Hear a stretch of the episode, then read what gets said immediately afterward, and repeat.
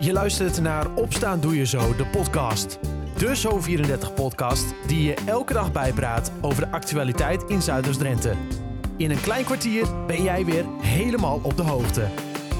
Aflevering 301 van Opstaan Doe Je Zo, de podcast op dinsdag 6 december 2022. In het Zuiders-Drentse nieuws lees je vandaag over een 24-jarige automobilist uit Emmen.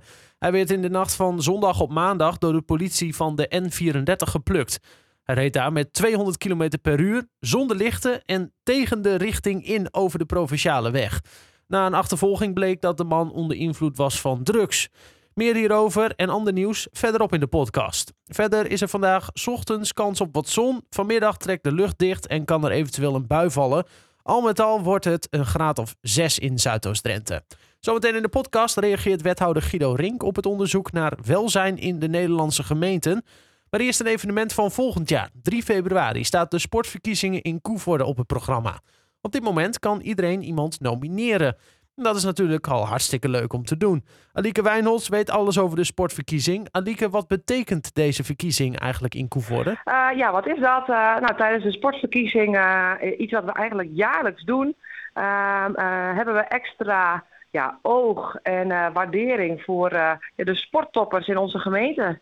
Dus de, de, de toppers die nou ja, echt ehm, topprestaties hebben geleverd uh, in het afgelopen sportjaar. Ja, waarom is het eigenlijk zo belangrijk om zo'n verkiezing te houden en om dus uh, de top van de top zeg maar uh, in het zonnetje te zetten? Nou, goede vraag. Kijk, we vinden het allereerst belangrijk om, uh, om, sport, uh, om aandacht te hebben voor sport in de, in de volle breedte. -hmm. uh, dat is ook iets waar we in Koevoorden ons echt voor inzetten, hè, voor een gezond Koevoorden. Maar daar hoort topsport toch ook echt bij. En het is ook echt iets wat, ja, wat je gemeente op de kaart zet. maar dat is nog niet eens het belangrijkste. Nou, denk eens aan een, een, een, een jeugdige die speelt in een, nou, in een voetbalteam als, als jong, jong kind. En denkt, hé, hey, ik wil later ook in het eerste voetballen en ik wil ook zo goed worden als.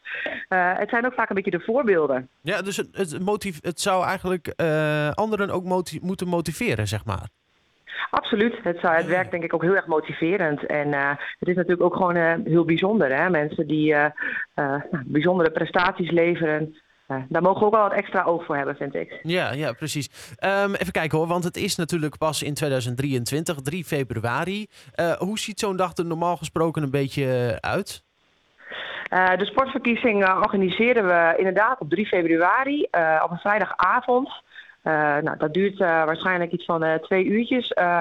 ja, tijdens die sportverkiezing, je moet het eigenlijk een soort zien als een soort van sportgala waar uh, alle genomineerden uh, komen met hun uh, achterban mm -hmm. en misschien ook wel andere sportliefhebbers. En tijdens die, die avond um, staat er ja, de sport centraal um, en worden de, de, de winnaars bekendgemaakt. Ja, nou ja, als de winnaars zijn, dan moeten er natuurlijk eerst ook genomineerden zijn. En het is in Koevoorde mogelijk om iedereen eigenlijk aan te dragen die jij zelf maar wil, hè? Ja, dat klopt. We willen het eigenlijk heel graag door, door inwoners zelf uh, uh, laten aandragen. Ja. Uh, er zijn vier categorieën. Sporttalent, sportman, sportvrouw en sportploeg. Mhm. Mm -hmm. nou, en vanaf nu, nou eigenlijk vanaf vorige week al, kunnen die bij ons worden aangemeld. Dat kan via onze website.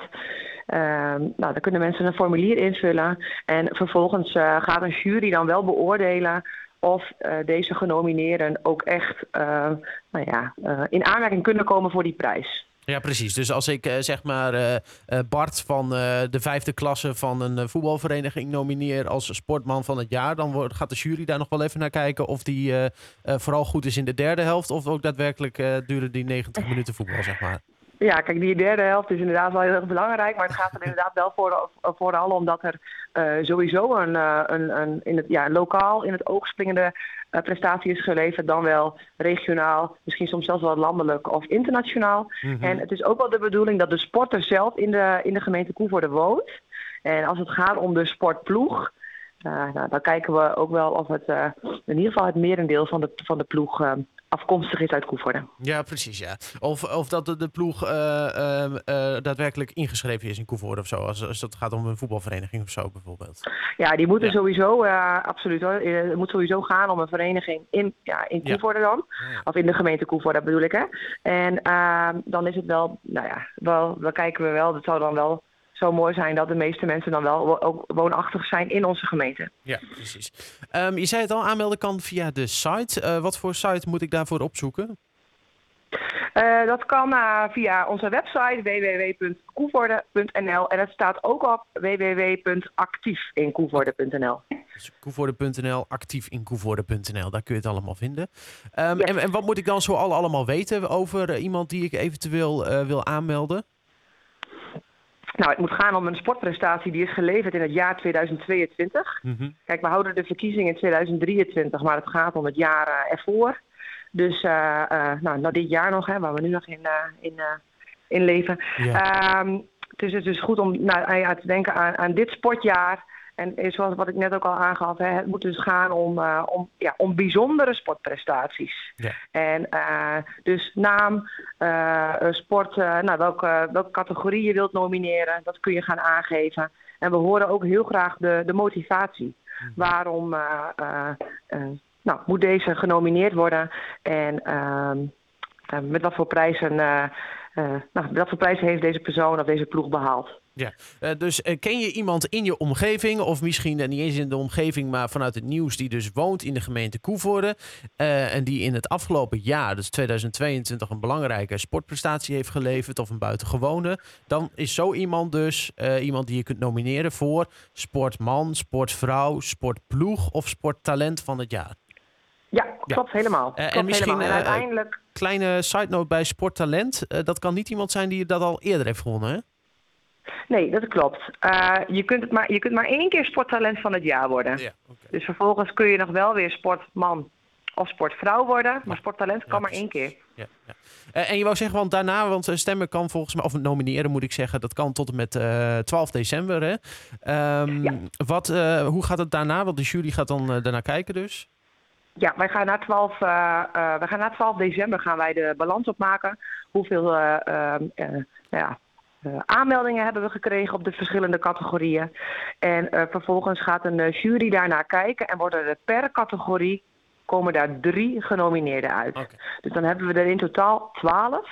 En daar kunnen onze inwoners vervolgens vanaf nou, ongeveer 10 januari kunnen onze inwoners daarop stemmen. Ja, precies. Ja. Dus dan komt er weer een stemronde. Absoluut, ja, ja klopt. Okay. Voor nu dus eerst mensen nomineren. Ken je een sportman, sportvrouw, sportploeg of sporttalent die een bijzondere prestatie heeft neergezet afgelopen jaar? Nomineer diegene dan via koevoorde.nl of actiefinkoevoorde.nl. Na het nieuws hoor je wethouder Guido Rink van de gemeente Emmen over het onderzoek naar welvaart in de regio. De politie heeft in de nacht van zondag op maandag een spookrijder van de N34 geplukt. Een 24-jarige automobilist uit Emmen reed daar met 200 km per uur en zonder lichten. De man stopte in eerste instantie ter hoogte van Eekst voor een controle van agenten. Maar toen de agenten hem wilden testen op het gebruik van drank en drugs, ging de man er vandoor. Hij eindigde met zijn auto in een weiland waar hij er te voet vandoor probeerde te gaan. De agenten wisten de man daar te overmeesteren en namen hem mee naar het bureau.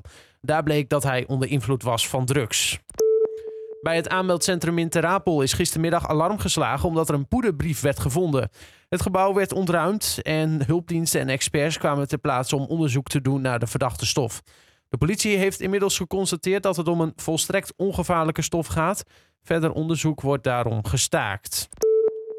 De Jehovah-getuigen gaan vanwege hun geloof en hun bijbelse principes niet in gesprek met uitgetreden of uitgesloten leden. Dat laat Emmer burgemeester Erik van Oosterhout weten in een brief aan de stichting Against Watchtower Shunning. Dit is een groep ex-Jehovah's die worstelt met het discriminerende uitsluitingsbeleid van de religieuze organisatie. Van Oosterhout zegde in oktober een bemiddelingspoging toe, maar dit heeft niet geleid tot een gesprek tussen beide partijen. Zeer teleurstellend, schrijft de burgemeester in de brief. Tot zover nieuws uit Zuidoost-Drenthe. Voor dit en meer kijk je ook op zo34.nl of in onze gratis en compleet vernieuwde Zo34-app. Drentse gemeenten scoren relatief vaak slechter op belangrijke welvaartspunten dan in de rest van Nederland. Dat blijkt uit de regionale monitor Brede Welvaart van het Centraal Bureau voor de Statistiek. Het gaat dan om 42 graadmeters die bijvoorbeeld welzijn, wonen, arbeid en vrije tijd en veiligheid en milieu in kaart brengen. In onze provincie zitten Emmen, Koevoorde en Borgeroodoorn bij de onderste regionen van heel Nederland. Wethouder Guido Rink van de gemeente Emmen heeft daar wel enkele verklaringen voor. Het is zo dat we in ieder geval uh, qua inkomen uh, hebben we veel praktisch opgeleide mensen. Dus we hebben veel makers en, en doeners. Uh-huh. En dat maakt dat je geld wat in je portemonnee zit al een, een, stukje lager is. En als je dan vervolgens gevraagd wordt om te investeren in verduurzaming... Ja, dan is dat soms wat lastig en dan word je daar wat pessimistisch van, om het zo maar te zeggen. Want ook zeg maar, de, de woningen hier zijn wat, wat ja, wat, wat goedkoper. Dus onze woonkosten zijn wat lager. Maar vaak uh, zijn de WOZ-waardes natuurlijk wel de basis van waarop je financieringen kunt uh, regelen. Ja. ja, en als je een kleine portemonnee hebt en je hebt een uh, kleine basis om op te financieren. Ja, dan kom je met zeg maar, de zonnepanelen die in Amsterdam net zo duur zijn als in Emmen.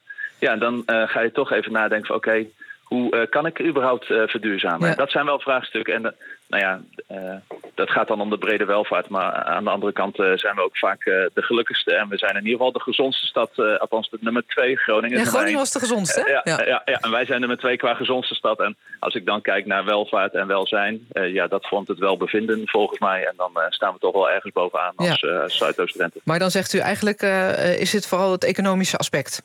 Ja, Want dat kan natuurlijk wel. Dat, ja. En als dat leidt tot het niet kunnen betalen van je rekeningen... of dat je het continu koud hebt omdat je de verduurzaming ook niet, die slag ook niet kan maken, dan kan dat natuurlijk wel je leven goed beïnvloeden.